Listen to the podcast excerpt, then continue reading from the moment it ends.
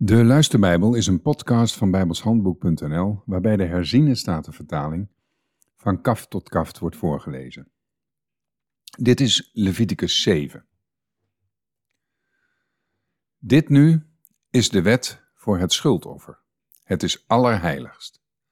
Op de plaats waar men het brandoffer slacht, moet men ook het schuldoffer slachten. Men moet het bloed ervan rondom op het altaar sprenkelen. Daarvan moet men al zijn vet aanbieden. De staart en het vet dat de ingewanden bedekt. En ook de beide nieren met het vet dat eraan vastzit. Tegen de lendenen aan. En het net over de lever dat men tegelijk met de nieren moet verwijderen.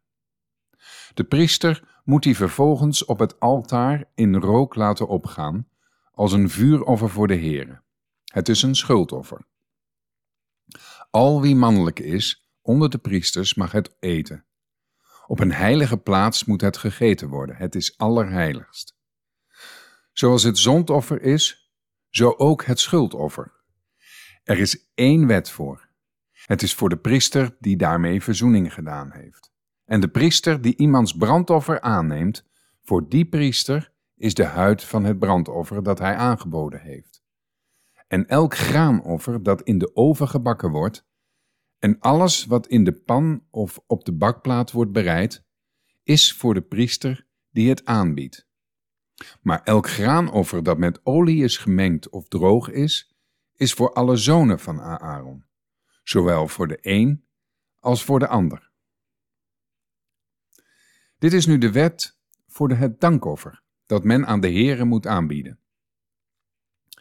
Als iemand het als lofoffer aanbiedt, dan moet hij naast het lofoffer ongezuurde koeken aanbieden, met olie gemengd. Ongezuurde platte koeken met olie bestreken en koeken van door elkaar gemengd meelbloem met olie gemengd. Beide koeken moet hij als zijn offergave gezuurd brood aanbieden, samen met zijn lof- en dankoffer.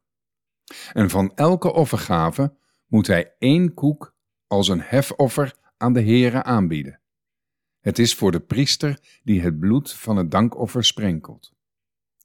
En het vlees van het lof- en dankoffer moet er gegeten worden op de dag dat hij het aanbiedt. Men mag niets ervan tot de volgende morgen overlaten. Maar als het slachtoffer dat hij aanbiedt een gelofteoffer of een vrijwillige gave is, dan moet dat gegeten worden op de dag dat hij zijn offer aanbiedt. En wat er van overblijft, mag ook de volgende dag gegeten worden.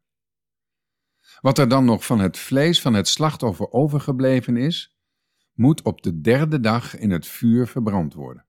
Want als er op de derde dag ook maar een deel van het vlees van zijn dankoffer gegeten wordt, dan komt het hem die het aangeboden heeft niet ten goede. Het wordt hem niet toegerekend. Het is onrein vlees. De persoon die daarvan eet, moet zijn ongerechtigheid dragen. Ook het vlees dat met iets onreins in aanraking is gekomen, mag niet gegeten worden. Het moet in het vuur verbrand worden. Maar